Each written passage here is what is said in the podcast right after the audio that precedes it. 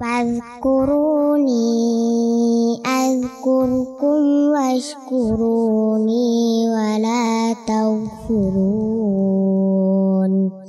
يا أيها الذين آمنوا استعينوا بالصبر والصلاة. إن الله مع الصابرين.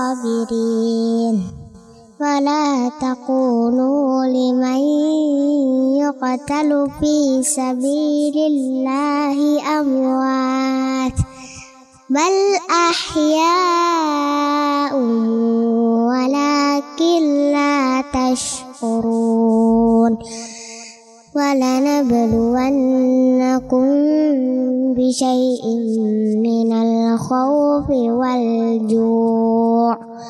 ونقص من الأموال والأنفس والثمرات وبشر الصابرين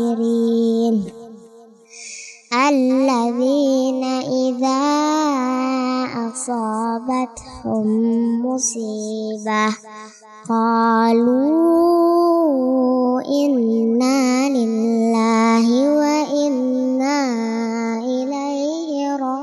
راجعون أولئك عليهم صلوات من ربهم ورحمة. وأولئك